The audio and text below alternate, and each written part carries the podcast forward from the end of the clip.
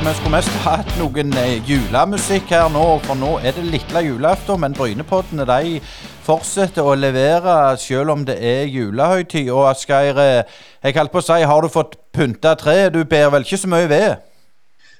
Nei, jeg ber ikke så mye ved, og det er ikke så mye her annet enn eh, palmesus. så Juletre er nok en skandinavisk tradisjon. Det kan jeg jo bare skyte inn for løye at min tippoldefar, eh, eller tipptippoldefar blir det vel, eh, han eh, Nei, tippoldefar var det. Han, han, fortalte faktisk en fortelling i et julehefte til Lyngdal kirkeråd i 1947 om første gang vi fikk juletre i heimen. Og det var sånn litt ute i andre halvdel av 1800-tallet, så folk har ikke hatt juletre hele veien. Men det ble ikke noe juletre på meg. Men vi skal ikke snakke om juletre her, for de springer ikke offside. Nei, det gjør de ikke. Og han vi snakker med, eller skal snakke med Han har vel sprunget i offside, men, men han springer vel ikke så mye offside nå. Vi, vi, skal ta en prat med Ove Salvesen, eh, Klepp Elite sin trener. og eh, Han har jo en spennende CV òg.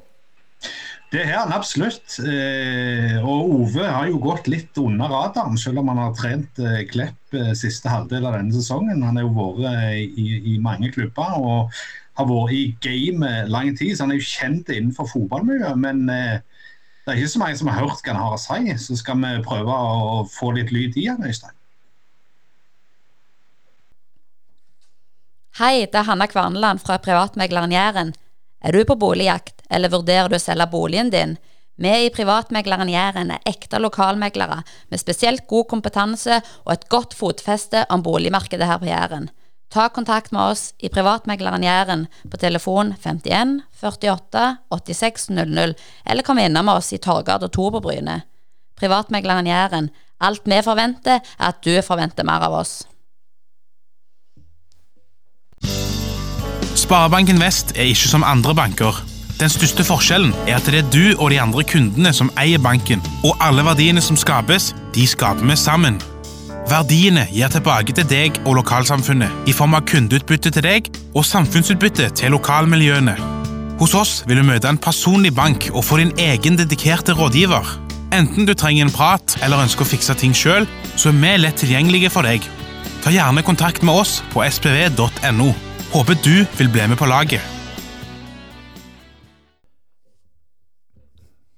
Det var godt at du pensa deg inn på Brynepoddene nå. og uh, Kjekt at du hører på oss. Og nå skal vi til, til en som er oppvokst uh, på Golanhøyden, Asgeir. Og, og den, er det den skikkelige, eller er det den, uh, den vi tror er skikkelig?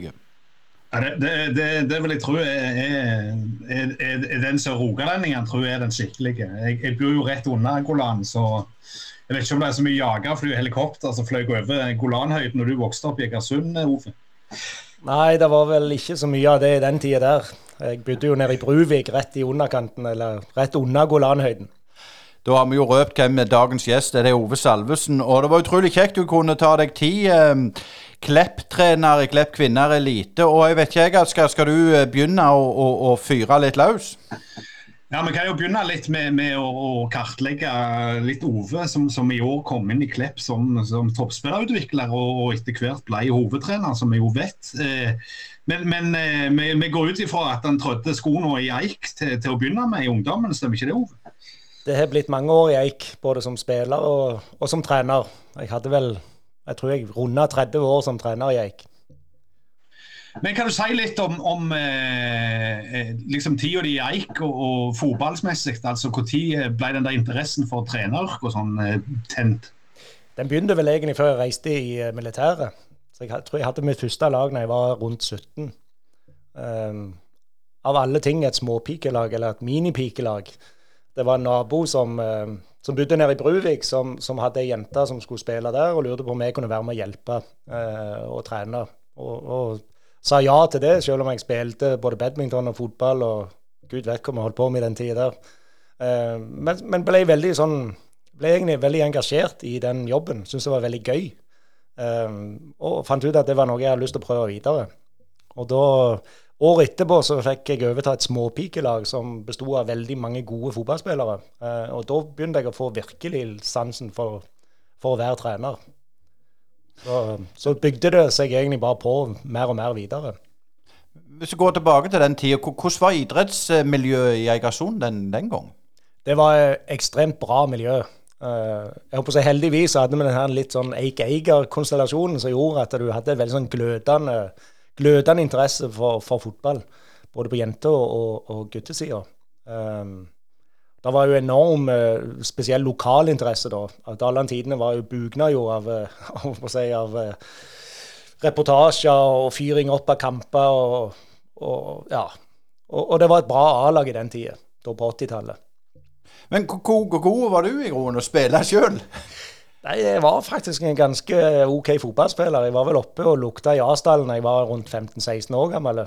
Um, og, og, fikk være med og trene og hospitere der. Så jeg var i veldig god form jeg reiste i militæret, men jeg var heller dårlig form da jeg kom hjem igjen etter 15 måneder i marinen. Det var, det var litt dårlige treningsmuligheter når vi lå seks uker langt oppe i Grønland og oppe i havet der og, og, og vugga. Så så da ble, vel, da, da, da ble, det vel egentlig litt slutt der. Men, uh, men så redebuterte jeg på A-laget da jeg var 30. Så jeg hadde to sesonger som uh, i uh, Det var 97-98, der jeg spilte, spilte på A-laget. Ja, men vi, vi, kjenner jo godt til de der ti kiloene du får på deg i Forsvaret. Men, men altså Litt om, om den der holdt på å si Egersund på slutten av 90-tallet, før vi springer litt videre i karrieren. den det var jo ikke sånn som det er i dag, at de på en måte satsa for å rykke opp i, i Obos den gang. Mer lokalt, vil jeg òg tro. Hvordan, du som er oppvokst i Egersund og på en måte nå i en annen klubb, hvordan, hvordan ser du på den utviklinga som vært rundt fotballen i Egersund, din heimstad? Ja, jeg synes, si, når jeg overtok Eik i 99 som trener, så hadde vi rykket ned to år på rad. Um, og så fikk vi snudd det, og så fikk vi et opprykk og gjorde det ganske bra da i 2000. Um, så begynte vi vel egentlig å bygge litt i, i, etter der. Det kom inn en del uh, trenere, vi fikk inn litt spillere. Um, jeg var vel òg med i prosessen med Kenneth når vi, når vi, på en måte begynte å få Kenneth Grande og begynte å få litt andre til å komme. Uh, spillere kom hjem fra studier. Vi fikk samla egentlig ganske mange av de si, litt gode spillerne. Gon og og, og Gløbstad og, og Jostein Salvesen og en del av de som kom hjem og ble et veldig bra fotballag av lokale fotballspillere. Um, så tror jeg òg når Bengt, eh, når vi fikk fatt i Bengt, uh, fikk han hjem fra Spania inn i dette teamet, så, så var det jo enorm interesse da i den tida. Vi var jo oppe i 800, 850 mann i snitt på kampene. Så det var jo en enorm interesse i den tida. Og så er jo dette utvikla seg til å bli mer og mer profesjonelt.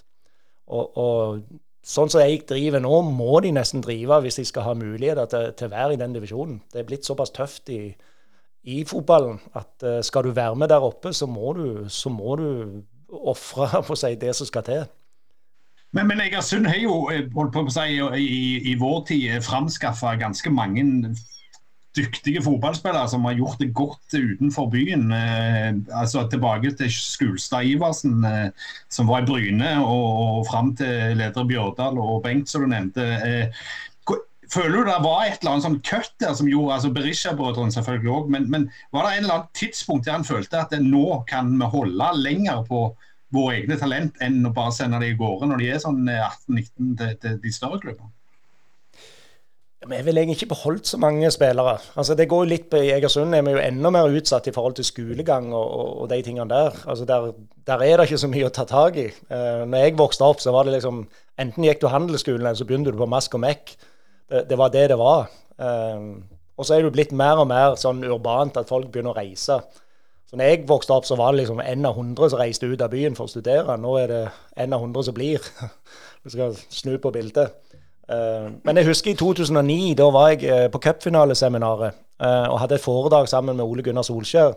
For det at Egersund hadde produsert såpass mye spillere. Da hadde vi 14 spillere på 13 år som hadde nådd toppserien. Enten på damesida eller på herresida. Så vi hadde, en, vi hadde, jo noe å presentere. Men det vi ikke hadde å presentere i den tid, det var jo egentlig på en måte en akademimodell. Uh, hadde, det, var ikke en grunn til at disse ble så gode. Den eneste grunnen jeg kan, kunne nevne der, det var at vi var veldig flinke som kelnere, som servitører, tilrettelegge for at de utvikla seg. Eh, og så kunne du nesten slå, sette en passer på, på, på idrettsmarkedet og så slå en ring rundt og se at de aller fleste kom derifra. Så det er jo veldig mye eget arbeid da, som, som på en måte genererte såpass mye gode fotballspillere. Eh, men når det gjelder din egen del, en trener i magen, når på en måte søkte du ut av byen? Etter hvert så, så følte jeg at jeg måtte, jeg måtte, på en måte videre. Eh, det var et ganske tynt trenermiljø i Egersund. Så jeg begynte vel meg og Bengt Setanes Jeg kjørte jo Eikbussen, en sånn minibuss, og vi begynte vel i jeg tror det var 89. Vi reiste til Varhaug og tok alle de her fire modulene på, på det, her, så, det som i dag heter grasrottrener. Så vi var faktisk en 11-12 stykker fra Egersund. Eh, meg og Bengt og søstera Bengt og, og ja, en hel gjeng. Sånn at vi fikk skapt noe, da. Eh, og så tok meg og Kenneth Eidsson det tok vel eh, UFAB i 94 på Stord, og da på en måte så jeg meg videre framover. Da meldte jeg meg frivillig til, til andre ting, type krets osv., for på en måte å, komme meg litt ut av andedammen og få litt mer, ja, få, få litt mer perspektiv på ting. Men når du nevner det med, med perspektiv, tror du det er viktig i dag òg, eller, eller, er det når det gjelder spillere og trenere, er det noe du har tatt med deg videre? Absolutt. En er, eh, en er, nødt til å reise, en er nødt til å oppsøke miljøer, en er nødt til å være i miljøer der en får diskutere ting. For det, fotball er ferskvare, men det er en ferskvare i vanvittig tempo som, eh, som hele tida utvikler seg.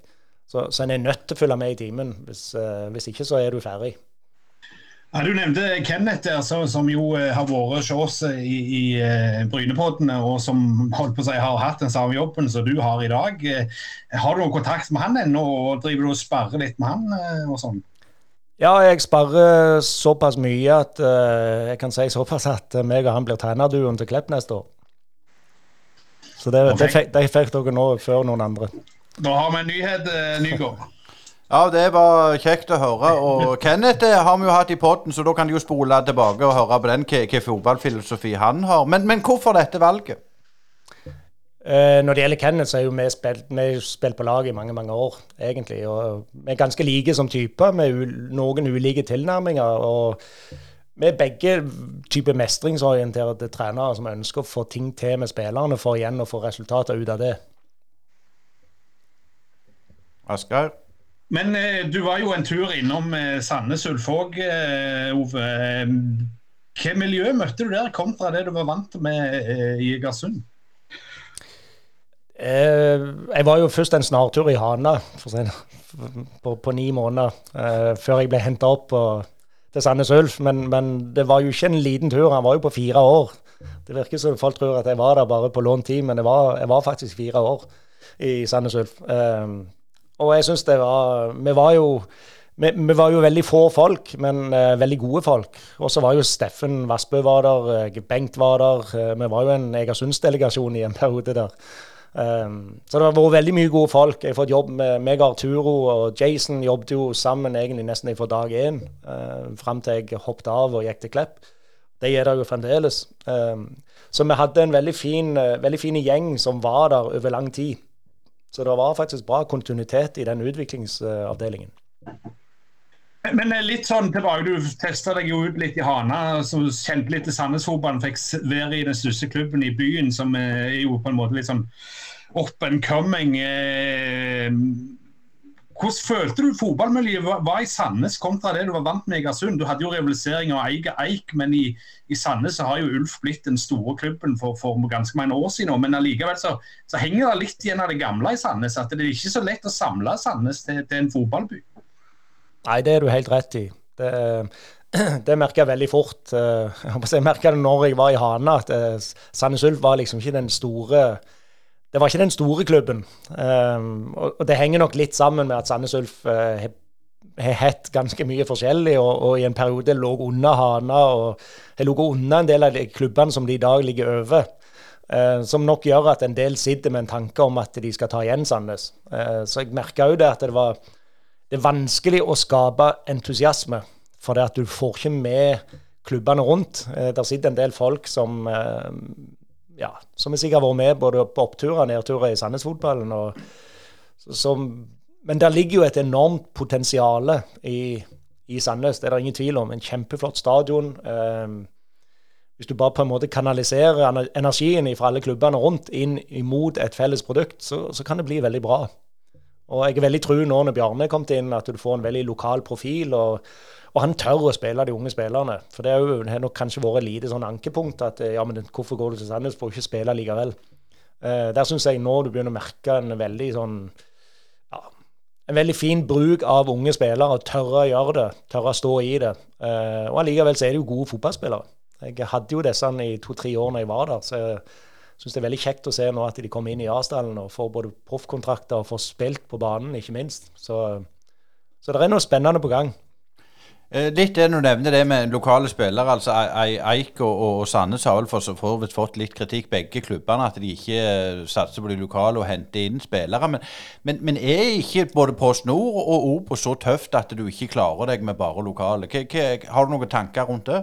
Jeg tror sånn som For Egersund sin del så, så vil det være utenkelig å spille Post Nord med bare lokale spillere.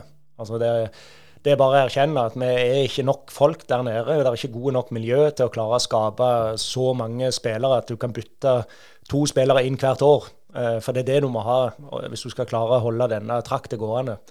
Eh, dessverre. Jeg skulle gjerne ønske og sett at det var flere som, lokale da, som tok det steget. Eh, men så ser du sånn som så han Fanuel nå, som vel var 14 år inne og, nærmest debuterer, som da ble henta til Sola. Så klart du, du får opp en, en, en i ny og ne, men de blir veldig fort henta. Og, og, da er det sånn Hvor mye arbeid skal du legge i det å produsere spillere til andre klubber? Altså Det blir jo en sånn kostnadsspørsmål til slutt, da, der du på en måte må se hele hjulet. Uh, får vi dette til, eller skal vi på en måte bare si vet du hva, vi, vi, vi jobber med, som en breddeklubb, uh, og så må du på en måte jeg, jeg, vil jo si at Sandnes Ulf gjorde et veldig klokt valg i form av det å si at nå har vi Sandnes Ulf toppfotball, og så har vi Sandnes Ulf bredde. Og at du på en måte kan skape et produkt som, som Sandnes Ulf-spillerne må melde overgang til, på lik linje som Gandal og osv. Eh, jeg skulle gjerne sett at vi i Egersund òg på, på et eller annet tidspunkt lagde et sånn Egersund toppfotball som skilte seg litt ut, og at bredden får lov å jobbe med sitt. Eh, for det er vanskelig å drive toppklubb i en breddeklubb. Det er enormt vanskelig å få det dimensjonen der til å, å, å, gjøre at alle er fornøyde. Eh, du begynte jo med et, et, eh, pikelag som du sa, eh, veldig tidlig i karrieren. Og, og damefotballen har jo tatt vanvittige steg siden den gang på alle fronter, og internasjonalt. Har blitt mye mer et produkt enn det var for si 20 år siden eller 15 år siden. Hva vil du si den største forskjellen var den dagen du gikk inn dørene på Klepp og skulle begynne å bli som toppspillerutvikler, kontra det du hadde vært vant med de siste fire årene i Sandnes? Eh, ja Det var vel ikke så store forskjeller sånn sett. Altså, jeg, jeg syns jo jentene, jentefotballen generelt eh, de siste årene har fått altfor lite anerkjennelse i forhold til alt det arbeidet de legger ned. Eh, de trener minst like mye, og gjerne bare mer enn mange av de her guttespillerne. Eh, men så er det, jo, det er alltid noen små forskjeller når det gjelder det å trene jenter kontra gutter. Eh, det som jeg liker med, best med jentene, er jo, er jo det at de, de, er veldig ydmyke. Altså, De er veldig læringsvillige. Har du gutter, så kan du fort få de her bajasene som vet alt og kan alt. Så, så det er jo en, på mange måter en, en en, en, velsignelse å få lov å trene såpass oppegående fotballspillere som jentene er. Største forskjellen, hvis du går tilbake i tid, når jeg begynte, eh, så, så, er det jo altså, kvaliteten på jentespillerne. Hvis du ser på, på type tekniske ting, tekniske, eh, taktiske valg osv., kontra det vi holdt på med. Når jeg hadde U13 fotballskole for kretsen, så var det sånn at jeg hadde 50 spillere fra sørregionen, så så du de tre med en gang som bare skulle videre. I dag er det i dag er det blitt mye tøffere å finne de rette typene, for det er så veldig mange. De er utrolig dedikerte. De begynner i tidlig alder. Eh, de har vanvittig bra repertoar som fotballspillere. Så, så, det er ingen tvil om at uh, damefotballen er i anmarsj. Uh, og jeg tipper at om ja, Det har begynt en prosess nå, men jeg tipper om fem år fram i tid så vil vi kunne si at i 2020 starta en revolusjon. Jeg tror det kommer til å skje enormt mye i damefotballen framover. Positivt. Men, men, dere som, som er i trenerteamet rundt forbi, du, du, snakker jo med dine kollegaer og, og hører hvordan det ligger an. Eh, vi så jo fordelinga av midler etter den nye TV-avtalen kom på plass. og Damefotballen ble jo avspist med, med 10-15% hvis jeg husker riktig, kontra herrene. Altså, de økonomiske rammevilkårene er jo vanvittig mye større hos mennene. Altså, er det sånn der hver dag blir litt eh, sånn eh, motbakke og, og prøver å få skrapt sammen det som mulig, kontra f.eks. Sandnes, som, som, relativt greit kan flyte av gårde med, med, de midlene de får fra, fra, fra TV-avtaler av den slags? Ja, det er klart det, det, det, er nok tøffere å drive et damelag på, på toppnivå. Um, men i hvert fall når, du, når, vi på en måte konkurrerer mot type Rosenborg, Brann, eller det som var Sandviken, som nå blir Brann, eh, Vålerenga, som ligger med, med budsjetter på en plass mellom 20-25 millioner på, på damelaget. Eh, det er klart vi er ikke i den ligaen, så, så forskjellene vil bli større framover, dessverre. Så hvis vi i Rogaland skal klare å henge med, så må vi, så må vi oppnå en hakk. Men, men hva, tenker du er, er, på en måte løsninger, hvis vi tenker Rogalands fotball under ett? Er, er, det noe vi burde, vi burde gjort? Ja, det, det, blir jo bare sånn personlig mening, da. For, for det sitter jo folk i klubbene som helt sikkert har andre meninger om akkurat det. Men på et eller annet tidspunkt så må vi forene krefter og lage et kraftsenter. Som, eh, som, som kan ta opp kampen med, med de store. Uh, og, det, for det kommer til å framtvinge seg i, i framtida, tror jeg. Det, du ser Amazon, Amazon uh, fra Grimstad går til, til, Start og lager en allianse for å prøve å få til et eller annet. Um, som Steinar sier når jeg snakker med han, det, det, handler jo egentlig bare om at vi må lage et kraftsenter. Og der nede så må det ligge i Kristiansand. Den, den mest naturlige plassen i forhold til til, til selvfølgelig Sør Arena, til, skoler, til tilgang til, til det aller meste egentlig som en trenger. Nei, Du snakket jo om, om, om toppfotballdelen i Sandnes Ulf, at Eik burde på en måte skilt seg ut. Bryne har jo òg valgt en annen modell der de kjører med, med bredde og topp og, og, og, hånd i hånd. Mm. Eh, eh, sånn som du med den kunnskapen du har, er det mulig om fem år? Jeg skal ikke si at det ikke er mulig, for det, det, det er masse gode mennesker som sitter i klubbene og, og selvfølgelig gjør opp, opp, sine meninger i forhold til, til der de er, men, men, jeg tror det blir vanskelig. Sånn, som, sånn som uh, I det tempoet det går nå, så tror jeg det blir vanskelig. Men, men, Ove, kan du, kan du dele litt eh, inntrykket du hadde eh, tidlig? Altså, det ble jo litt sen start i, i, i år òg eh, med sesongen. Men altså, når du kom inn som toppspillerutvikler, eh, status før sesongstart, altså, var det gitt at Klepp kom til å rykke ned, eller skjedde det ting på veien som gjorde at det ble det endelige resultatet? Nei, for å si det sånn, jeg visste jo det kom til å bli knalltøft på høsten når jeg sa ja til dette. Um, når jeg kom inn, så, så, må jeg si at jeg var litt sjokka. Um, for det at jeg tror vi hadde fire eller fem elitespillere som egentlig var i trening. Uh, når Jeg kom inn. Jeg var, kjørte litt dobbelt i Sandnes Ulf og Klepp i februar, uh, men jeg kom inn i mars for fullt, så var vi, vi var vel fire, fire og en halv spillere som egentlig holdt på med preseason. Resten var akademispillere. Utover det så var jo resten skada, og utlendingene satt i isolat i utlandet og venta på å komme til Norge. Så, så det er klart altså vi, vi, vi, spiller første seriekamp nærmest med en haug med spillere som ikke er trent. Uh, og vi hadde, vi hadde, gode spillere som Anette Jensen, uh, Sofie Bjørnsen, Ida Pedersen, som var langtidsskada, som, som, ikke var i trening i det hele tatt. Uh, så det er klart vi, Du begynner veldig dårlig med et lag som nesten ikke har trent, og skal prøve å spille en sesong. Og når du da i utgangspunktet ikke er i toppen eh, fotballmessig som tropp, så blir det tøft. Um, så er det klart at Utlendingene kom ei uke før vi skulle ha første seriekamp. Så de hadde vel knapt nok tre-fire treninger sammen før en, en spilte mot, uh, mot Arna Bjørnar.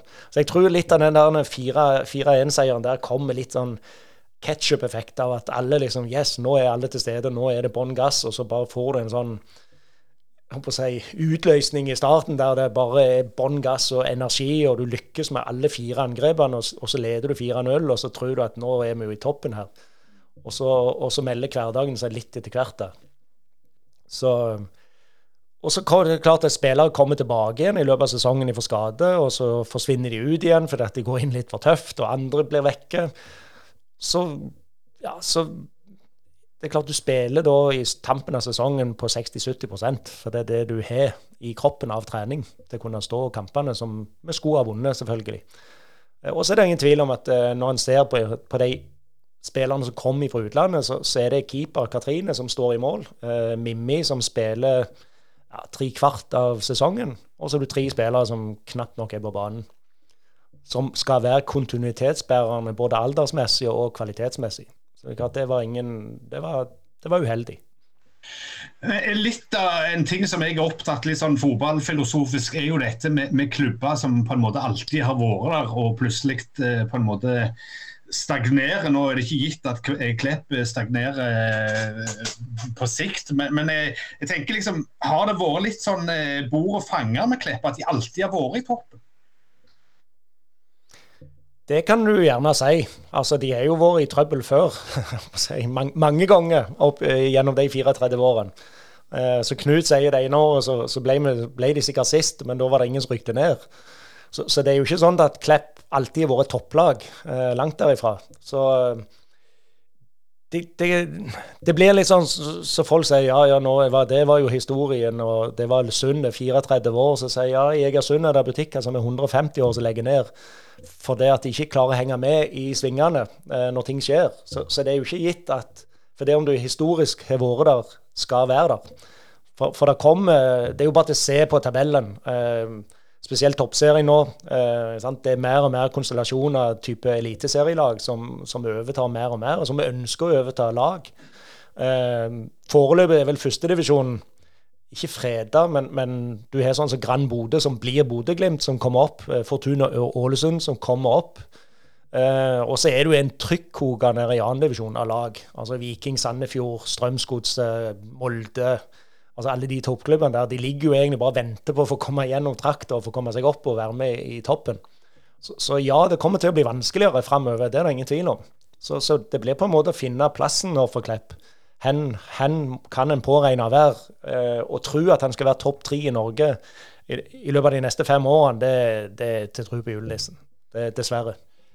Eh, men det når du kom inn i Klepp der, hva, var det på en måte, var det, det det, som var i veggen du trodde du kom til, eller det, var det en del ting du ble overrasket over? Både positive og negative? Eh, Altså, Jeg kjente jo litt til Klepp, da, for jeg tok jo UFA sammen med Nick. Eh, så jeg var jo en del da på høsten eh, 2020. Um, så, så, jeg var jo ikke helt ukjent med hva som skjedde. Det var jeg ikke. Men, men jeg gleda meg litt til å komme inn og se litt hvordan de dreiv. Det gjorde jeg. Det må jeg ærlig innrømme. Og, og der er en del vanvittig gode fotballspillere som, som, virkelig kan ta steget i den klubben. Mye unge, gode spillere.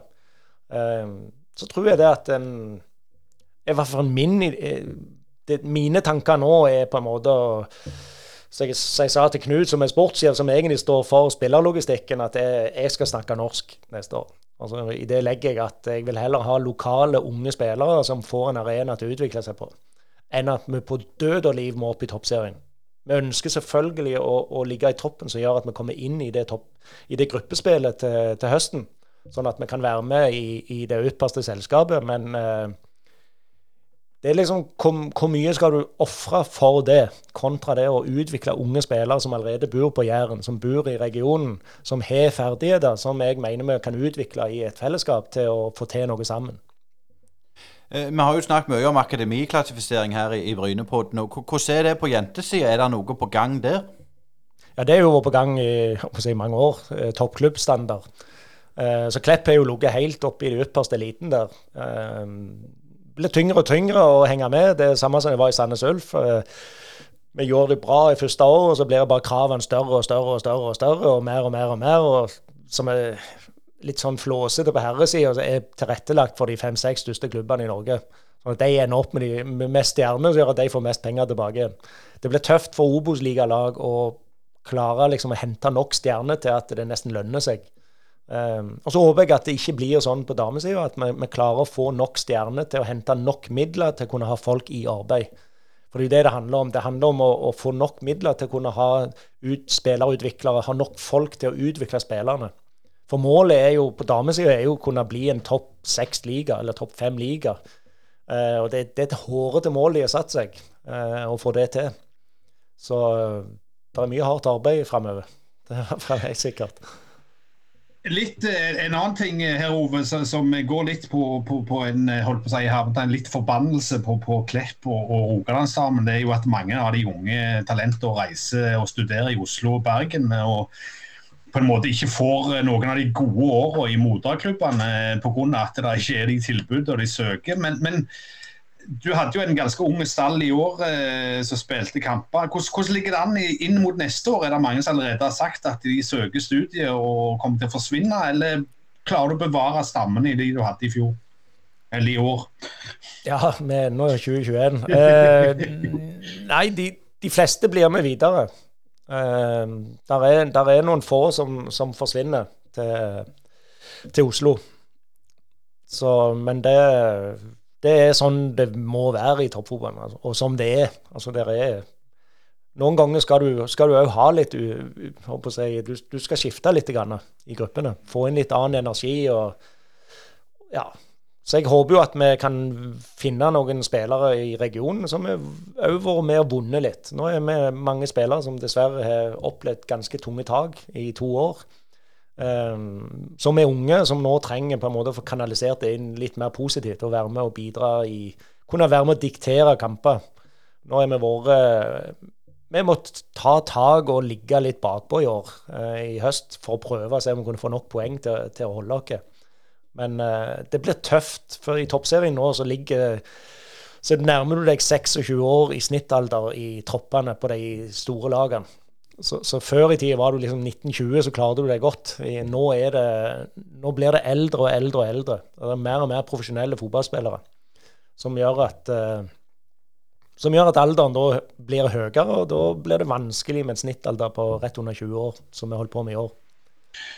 Men hvor, hvor, hvor, lett er det å få, få, de jentene som er ferdige tilbake igjen til klubben? Altså Hege Hansen var jo i Bergen en periode og kom tilbake igjen. Altså, er det noe som er naturlig, eller er det sånn at folk når de er ferdig studerer, så går de i jobb og så legger de skoene på hylla? Mye tidligere enn guttene, forresten.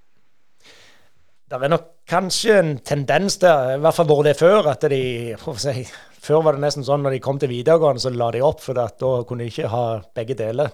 Uh, jentene er mye tøffere nå.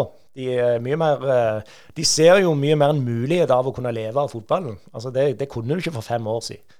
Du, du, du tjente mer på å sitte i kassen på Rema enn, enn, å, enn å, være toppspiller i, i, i en toppklubb i, i toppserien. Eh, nå kan du faktisk leve av det. Der verserer jo rykter om spillere som er tilbudt lønninger over en million i, de tre toppklubbene. Um, så Da begynner vi å snakke om eh, at det er levelig og, og, noe du kan satse på og faktisk få noe igjen for. Så ser vi jo det at det er interesse for norske fotballspillere i utlandet. Eh, og det er klart Premier League er jo Det var så Ollie sa når vi snakker med nede i Westham. Eh, du, du, du, kan egentlig gange alt det du holder på med, med 10 eller 20. Altså både økonomi og, og Så han sier han er, han er 11 heltidsansatte under seg på A-laget av Westham. Det er klart, det, det, det, er den ligaen der vi skal konkurrere mot. uh, og, og, det kan vi ikke. Så da må vi finne vår plass og, og, bli flinke på det vi, vi, skal jobbe med. Og jeg er jo i den Ajax-ånden at er du gammel nok, så er du god nok. Nei, unnskyld. Er du, er, du, er du, god nok, så er du gammel nok. Så, det var sånn det var? Ja, det var sånn det.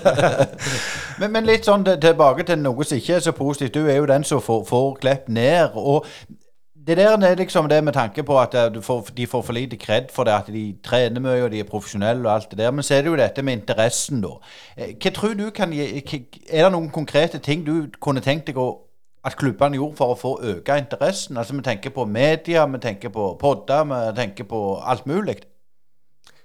Ja, altså det det, det imponerte meg faktisk mest. Det var jo da jeg kom inn sånn som Hege, som jobbet som medieansvarlig, at det der er at det faktisk er oppretta fra NFF en mediestilling til på en måte å, å promotere eh, fotballen, eller damefotballen.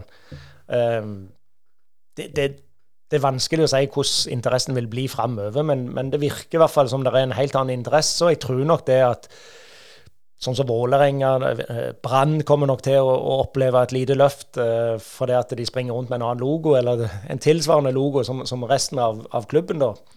Eh, vil nok være med å få mer interesse for damefotballen. Og eh, jeg tror som sagt at uh, i løpet av det som kommer framover nå, at, at det vil heve sin interesse. Og både med at, at det er mer TV-kamper. Du, du, kan sitte hjemme nå og se kamper. Og en merker, eller fått tilbakemeldinger på at, uh, at produktet Toppserien og produktet Obos-ligaen, ikke minst, når jeg var i Sandnes Ulf, er det, da i pandemien så var det jo enorm vekst i forhold til antall, uh, antall klikk eller antall seere på, på, på direktesport osv. Et litt sånn dumt spørsmål, Ove. For det er klart, hvis du hadde overtatt en Obos-liga eller eliteserieklubb og rykt ned, så hadde du blitt slakta. Mm. Uh, jeg holdt på å si, hvorfor blir du ikke det? Altså, Hvilken mekanisme? Altså, det er litt sånn interessant. Hvorfor for, for, Det har liksom vært ja, Klepp, de rykket ned pga. sånn og sånn, og, og, dine forklaringer svelger de på en måte, hvis du skjønner. Og, og jeg, jeg, sier ikke det er feil, men, men, men er det noe der som er så ulikt? Akkurat når det gjaldt Klepp i år, så så, så så en vel konturene ganske tidlig at det her kom til å bli veldig tøft. Jeg, eh, og det sa jeg vel nokså tidlig. Jeg var veldig offensiv, for jeg hadde veldig tro på at vi skulle klare å få det her til. Eh, men det er klart eh, til og med Jærbladet, til og med Tarjei, som kanskje var litt sånn kritisk i starten, ser jo at vi er veldig unge. Vi, vi, vi ble rett og slett vi hadde ikke stor nok tropp. Vi, vi hadde skader på en del altså De kampene som vi skulle ta poeng i, så, så mangler vi jo liksom de viktigste spillerne. Type Stabæk, Lyn, eh, Kolbotn osv. Så, videre. så Så det er jo masse kalde forklaringer. Det er ikke noen unnskyldninger. Det, det, er mer forklaringer. Så ja, Jeg visste jo hva jeg gikk til. Altså, jeg kunne vært sagt nei og sluppet, sluppe, sluppe unna, hvis du kan kalle det for det. Men jeg har ikke noe interesse av å slippe unna noe som helst jeg, jeg eh, blir så gammel. og jeg tenker at Hvis ingen vil ha meg etter dette, så er det helt greit, det. jo, men jeg tenkte litt òg med tanke på interessen. Skjønner du? Altså, ja, ja. det er klart, Hvis det er et tap, og Viking har tapt to kamper bra, så er det jo eh, krisestemning. Ja. Det, det, er det noe, Tror du det hadde hjulpet på, på, på, på, interessen for toppserien? Ja, det er mulig. Det er mulig. Uh, akkurat i år så ble det jo såpass tøft og, og at jeg det, det, ble liksom Det ble liksom samme headingen. Tap igjen. Så det ble liksom ikke så mye annet å skrive enn en akkurat det. Men, men det, ja, det ble tøft. Det ble veldig tøft både for meg og, og ikke minst for spillerne. Altså, det, det, er mye unge spillere som, som jeg syns ble Altså, de ble urettferdig spilt så mye som de gjorde i toppserien. De er egentlig ikke klar for det. Men i mangel av alternativer så spiller de da mer eller mindre hver kamp. Og får det veldig tøft. Så øh, min jobb nå er jo selvfølgelig å, å, få de til å reflektere over at erfaring er ikke noe du får med alder. Erfaring er noe du erfarer. Disse har spilt en full toppserieliga eh, egentlig hele 2021, eh, og noen var innom så vidt i fjor. Eh, så det er klart at hvis vi kan kanalisere den energien, få de til å reflektere over at du har faktisk erfart å spille i toppserien, kan vi ta med det ned i førstedivisjonen, så har vi en del vanvittig gode spillere som sitter med toppserieerfaring. Så isteden liksom, ja, men du må jo hente fra toppserien for å spille førstedivisjon. Ja, men jeg har jo en hel tropp som har spilt toppserien. Så la oss heller konsentrere oss om dem, og få dem til å skjønne at uh, vi er faktisk gode fotballspillere. Selv om de har tapt en del kamper. Eh, Ove, men eh, nå skal dere spille i, i førstedivisjon, og, og det er jo holdt på å si, nytt territorium for, for Klepp. Men det er jo ikke nytt territorium for deg, du kjenner jo eh, fotballen godt. Eh, hva vil du si det, det største nivåforskjellet er mellom de to nivåene i, i damefotballen kontra f.eks. Obos og Tippeliga? Per nå så er det nok litt større forskjell fra toppserien til førstedivisjon enn Obos og Elite. Det vil si at eh, vi vil nok møte litt av hvert i førstedivisjon. De verste, tyngste, eller hva si, tyngste, de, de eh, antatt sterkeste motstanderne er faktisk de som rykker opp fra andredivisjon. Det tror jeg. Og så er det klart du har Åsane som spilte mot Lyn nå i kvaliken. Eh, Øvrevoll Hosle er jo et vanvittig spennende lag. Eh, 800 jentespillere i klubben. Eh, leste jeg nå i fo siste fotballtreneren. Eh, og Det er klart det genererer jo en del fotballspillere som kommer til å spille, spille opp det laget til, til toppserien. Det er jeg rimelig sikker på. De kommer i hvert fall til å ligge i topp top fire i år. Garantert. Så, så, det blir Det er nok noen som tror at det er liksom bare ta en tur ned og så er det rett opp igjen, sånn som det var før i tida. Altså, rykte du ned fra toppserien, så var det egentlig bare ned og snu, og så rett opp igjen. Men, men de tidene er òg over. Så det blir liksom der, er en, der skjer en del ting i fotballen. Så, så ting som var, det er ikke lenger.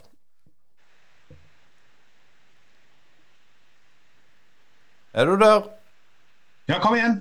Nei, det var du som skulle spørre nå, eller? Nei, men det er greit, det kan det Jeg, jeg, spurte, jeg spurte om det jeg skulle spørre om, om, om nivåforskjell, så du får bare du er, kjøre på. du er fornøyd? Nei, men det er greit, det. Jeg skal få kjøre på, jeg. Det er ikke vanskelig å be.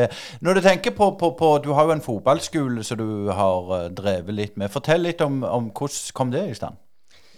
Det var egentlig en, uh, i forbindelse med kretsen. Vi var på en studietur i 2008 i Amsterdam og besøkte Ajax ei uke. Der jeg ble ganske veldig fascinert, egentlig. For jeg har alltid jeg si, Før i tida samla vi på fotballdrakter. og da Hvert år så var det alltid Ajax-drakt i, i, mitt sortiment. Så jeg hadde jo en sånn viss uh, kjærlighet for klubben, og, og, den ble veldig forsterka når jeg var der nede denne uka. Uh, ble godt kjent med, med han Eddie. Uh, og så traff jeg han igjen her i, på et trenerseminar i Norge. Eh, i Rogaland, faktisk. Og, så ble vi stående og diskutere og snakke litt, og så tok vi opp tråden, og så har det bare utvikla seg egentlig mer og mer. Så per I dag så er vi vel egentlig veldig gode kompiser, eh, sammen med en god del av, de andre trenerne der nede i Amsterdam. Så jeg har vel vært der nede snart 25 ganger, i hvert fall, eh, på besøk. Så ble vi enige om vi skulle teste ut og se om vi kunne gjøre en sånn type fotballskoleaktivitet i, i Norge. Så det første vi gjorde der, det var faktisk på Hanafjellet. Meg og Jan Splinter hadde keeperskole. Eh, det tror jeg var i 2012 eller 2013. Eh, og det var 33 keepere som møtte på den skolen. Så det var jo, det ei god helg, da. Eh, litt for mange i forhold til Jan, men, men Jan er erfaren og, og fikste det på, på, en glimrende måte. Og så kjørte vi vel en fotballskole i Egersund eh, nokså rett etterpå med, med, veldig godt besøk. Og etter det så har vi vel hatt borti 60, 60 aktiviteter med, med trenerkurs, eh, fotballskoler fra Harstad til Kristiansand. Så det har vært en eh, Og vært litt i Aberdeen og Litauen. og skulle egentlig ut og reise litt både i Libanon og Iran, og vi hadde masse planer. Men eh, så kom den berømmelige covid-19-pandemien og stoppet litt av de planene. Så det har vært en uh, vanvittig fin reise, og har veldig mye gode uh, kompiser nærmest nede i, i Amsterdam. Uh, og bruker veldig mye av filosofien Ajax. Jeg er veldig fascinert av måten de jobber på, med å utvikle unge spillere. Hvordan de utvikler de, og, og, og rammebetingelsene for hvordan det skal se ut med, med, med, med pubertet og, og, alle de tingene. Så de ligger så langt føre på mange områder som jeg bare sluker rått.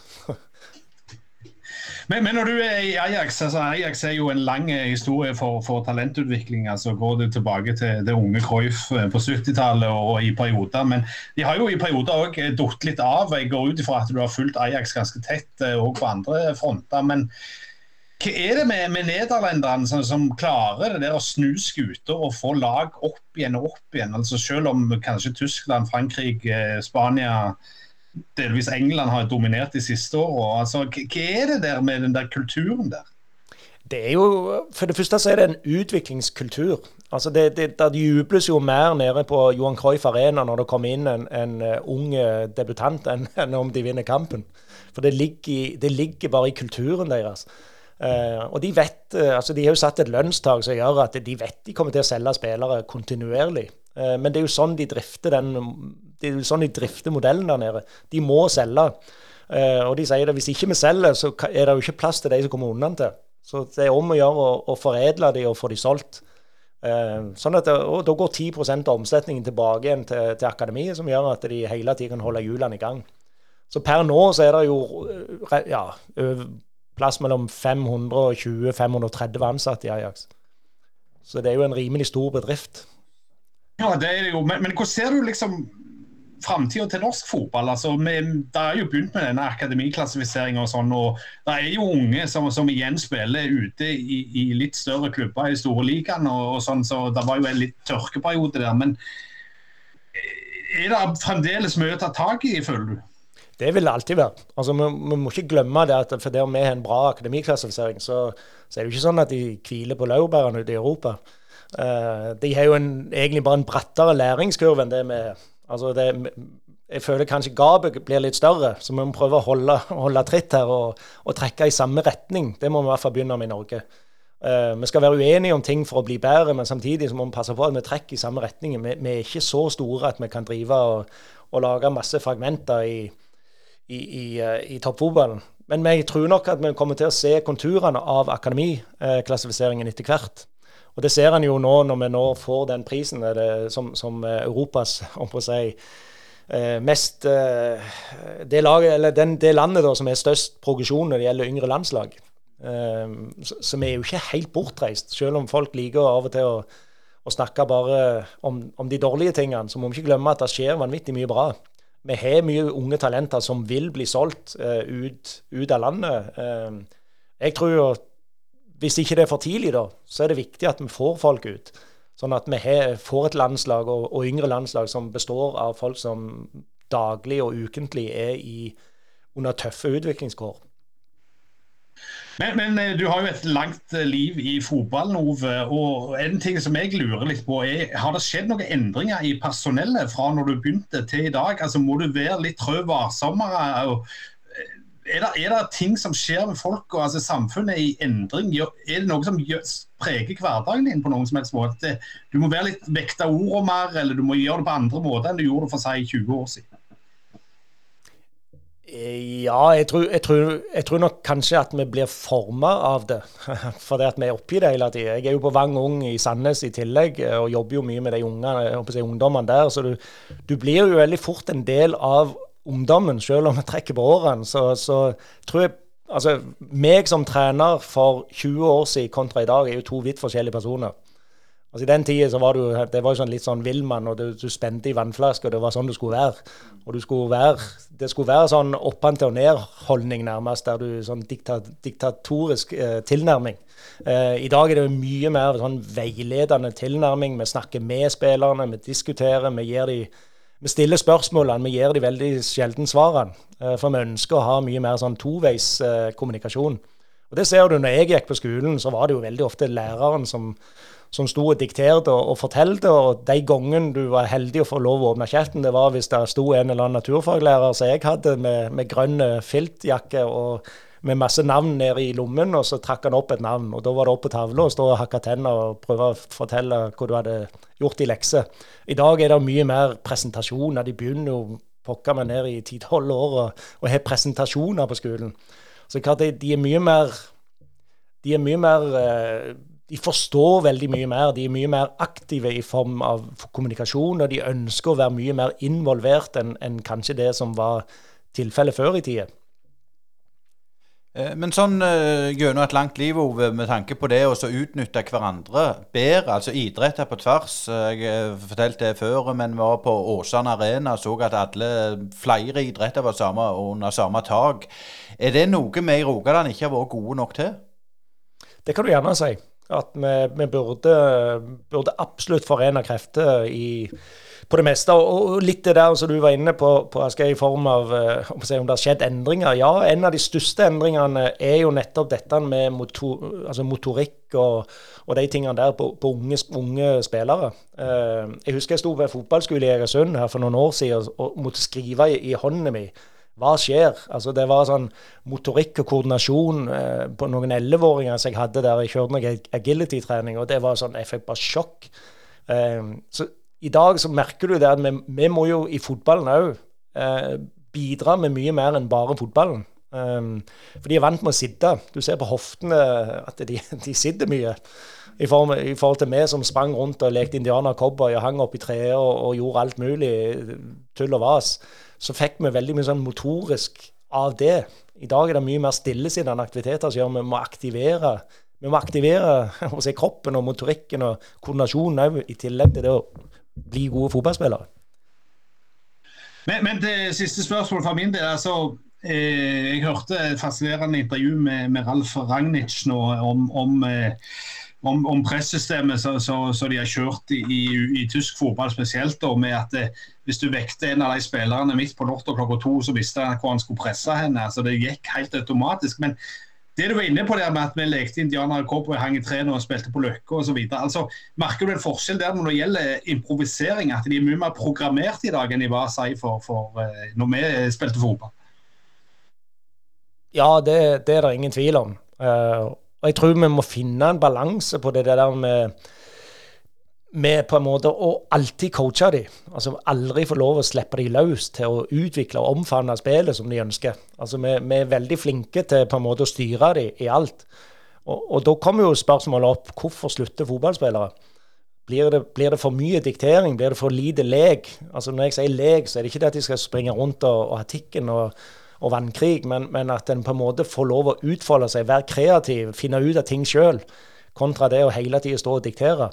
Um, så vi må på en måte finne den der gylne middelveien, tror jeg. For uh, en ting er toppfotball, uh, som, du snakker om her. En annen ting er jo det at uh, må ikke glemme det at det er 1,3% av fotballspillerne i Norge som når eh, topp, toppnivå. Da snakker vi om Obos og eliteserie eller førstediv og toppserie. Og eventuelle landslag. Og så er det 98,7% av fotballspillerne som aldri når de målene, og ikke har ambisjoner om å nå de målene. Vi på en måte passe på at vi òg tilrettelegger for at de blir i fotballen, og, og, at de trives med det de holder på med. Ja, for sist, eh, sist pod hadde vi jo Vebjørn Hagen, eh, og, og, og han kom fra Klebe med, med foreldretrenere, og, tre dyktige foreldretrenere. Du har sikkert spilt mot foreldrene, men hvordan ser du på det med, med, med Når du snakker om Ajax, så er det jo profesjonelt fra A til Å. Altså mm, Eiger, eh, Varhaug, Vigrestad de, de, altså, de er avhengige av foreldretrenere. Hvordan skal han få til den matchen der bedre enn i dag, tror du? Eller, eller er det bra? Altså, Foreldretrenere må vi ha. Uten foreldretrenere i Norge så har vi ingenting å bidra med. så enkelt er det. Hvis vi skal fortsette denne modellen vi har nå, i dag i, dag i hvert fall. Um, så jeg tror nok det å, å, fortsette å ha trenerkurs, fortsette å gi inspirasjon uh, For det jeg har erfart som positivt de siste årene, at det var vanskelig i 97, når jeg hadde mitt første trenerkurs, eh, så var det vanskelig å få deltakere på kurs. Nå syns jeg det er veldig lett. Altså, Jeg kjører mye klubbinterne kurs rundt her i Rogaland, og der er alltid folk. Eh, og skaper seg godt engasjement. og Ja, Ajax er profesjonelle, men for det om du er tolv år nede i Ajax, så er du tolv år i hodet der òg. Så de tilrettelegger jo aktivitetene i, for, i forhold til alder. Så det er jo ikke, det er ikke noe sånn strømlinjeforma. Altså, de gjør mye aktiviteter som ser ut som, som tull og vas, men, men det ligger alltid skjult fotballæring i det de holder på med. Om det er å, å jobbe med core-muskulatur, eller om det er å jobbe med en eller annen ferdighet i lek eller konkurranse. Så det handler jo om å skape eh, trygghet, det handler om å skape engasjement som skaper entusiasme hos spillerne, som gjør at de kom, har lyst til å komme tilbake igjen til neste trening. Da er du egentlig kommet et godt stykke på vei.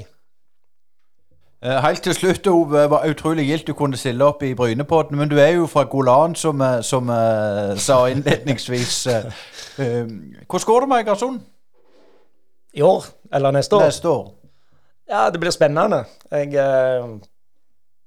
jeg ser jo John blir med videre, heldigvis. det er jo ikke så mange spillere igjen, så han må jo få bygge opp en ny tropp det, det, er klart at jo, Når det blir så mange nye spillere inn, så er det alltid vanskelig å få satt noe. Så, så jeg tror, tror, kanskje det kan bli litt tøft neste år.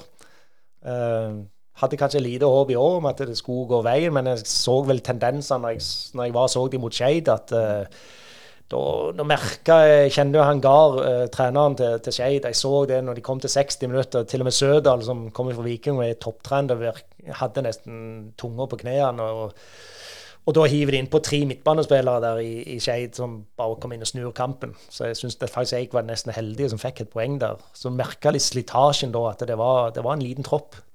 Så eh, jeg tror nok hadde alle vært skadefrie, Marcel og, og, og det sånne andre som, som fikk skader nå på høsten, så kunne det fort sett litt annerledes ut i toppen. Det kunne det med Klepp òg. Tusen hjertelig takk for at du stilte opp i Brynepodden, Ove. takk for det. Takk for det. Hei, det er Hanna Kvarneland fra privatmegleren Jæren. Er du på boligjakt, eller vurderer du å selge boligen din? Vi i Privatmegleren Jæren er ekte lokalmeglere med spesielt god kompetanse og et godt fotfeste om boligmarkedet her på Jæren. Ta kontakt med oss i Privatmegleren Jæren på telefon 51 48 86 00, eller kom innom oss i Torgata 2 på Bryne. Privatmegleren Jæren. Alt vi forventer, er at du forventer mer av oss. Sparebanken Vest er ikke som andre banker. Den største forskjellen er at det er du og de andre kundene som eier banken, og alle verdiene som skapes, de skaper vi sammen. Verdiene gir tilbake til deg og lokalsamfunnet i form av kundeutbytte til deg og samfunnsutbytte til lokalmiljøene. Hos oss vil du møte en personlig bank og få din egen dedikerte rådgiver. Enten du trenger en prat eller ønsker å fikse ting sjøl, så er vi lett tilgjengelige for deg. Ta gjerne kontakt med oss på spv.no. Håper du vil bli med på laget. Ove Salvesen der, og altså, og eh, mens eh, vi har lagd denne podden her, så har det nærma seg enda mer jul. Eh, I morgen er det julekvelden, Asgeir, og det er jo ei fin tid, selv om du har det varmt og godt, og, og, og ikke gjerne så mye julestemning, men allikevel, jula er ei god tid med familie og mye god mat. Det er det, og jeg har eh, henta kalkunen i dag, så den eh, ligger klar og skal stappes. Så, så det blir langsteiging over natta, tenker jeg. Så det gleder jeg meg til. Eh, det er ikke så mye pinnekjøtt å få tak i rundt her, selv om det var hurde på marka eh, på julekvelden. Og det kan jeg jo bare ta i kort. Eh, Hvorfor det var hurde på marka i, i, desember i Midtøsten, det er fordi at det, da er det lammesesongen. Da er det gress ute, det regner litt og det er grønt ute. så Lamma her blir født om høsten og blir slakta om våren. Der har du òg påskelamsstoryen f.eks. Som, som gjør at eh, syklusen er motsatt av det vi vant med hjemme. Men eh, Ove hadde veldig mye interessant å komme med. og Overskriften blir vel litt at eh, Klepp har på en måte realitetsorientert seg litt. Så det hørtes ikke ut som han kan garantere noe går rett opp, sånn som Branntreneren gjorde etter at de rykte mer nå nylig. Nei, det virka litt sånn at de var realitetsorientert, og det er ganske bra, syns jeg. For det er klart, det Viking eh, satser, Bryne satser på damelaget, og, og, og, det er ikke gitt at Klepp skal rette opp, men jeg tror det, det er rette veien å gå å satse på unge talenter. og så må vi jo si det litt over på herresida. Eh, Arne Sandstø med Jerv, som rykte opp, som vi har hatt i poden her. Fikk for øvrig SMS av han etter kampen, og han var i fyr og flamme. Så noen går opp, og noen går ned. Men, men, men med Ove der så håper jo vi og, og, tror at de gir en god sesong. De mister jo Emma Braut Brunes til Kolbotn. Det er klart et, et stort savn. Ung, ung talent som forsvinner. Men det blir gjerne sånn at Klepp blir en, en selgende klubb. Jeg vet ikke hva hva du tror? Ja, Det henger jo på dette her som Knut Eriksen har snakket om i årevis, dette med utdannelse og den veien som de unge jentene ser ut til å gå. altså Mye sånn fysioterapi og andre yrker som ikke finnes i, i, nærheten. Så enten må en finne opp eh, en ny studieretning som, som, tiltrekker spillerne, sånn at de blir lenger. eller så må en òg eh, prøve å hanke inn kanskje de som kommer tilbake igjen. Men som han sa, så er det jo mange som har slutta nokså tidlig, iallfall tidligere. Kanskje litt endringer nå. og og jentene eller damene ser jo ut til å stå litt lenger nå i karrieren enn de gjorde for, for noe kort tid siden. Det andre, vi fikk jo, som har publisert allerede på nettsida vår, eh, denne nyheten om at eh, Kenneth Eidshaugen er tilbake i Manesjen. Og det syns jeg er veldig kjekt. for Kenneth er en fyr jeg har drøst mye med opp gjennom eh, i ulike sammenhenger. og jeg syns det er kjekt å se at han tar skrittet tilbake etter ti år pluss fravær fra toppfotball. Absolutt. Og Kenneth Autsone hadde vi i podden sammen med Roar Vold. Det er bare å spole seg tilbake på Podbean, eh, vår hjemmeside Podbean. Så søker du opp Brynepoddene, så finner du det vi har lagd. Og eh, nå er det jo julekvelden i morgen, og når du hører dette, så er det gjerne første juledag, andre juledag. Hva vet vi? Men vi vil si Uh, utrolig gøy at så mange sponsorer og annonsører har vært med oss uh, til nå. Uh, og vi ønsker alle en riktig god og velsigna julehøytid. Og ikke minst god jul til deg, Asgeir. Jo, takk Øystein, og riktig god jul til deg òg. Og nå er det lov å ta det litt med ro og slappe av noen dager før vi gruser på igjen og leverer en ny Brynepod lille nyttårsaften.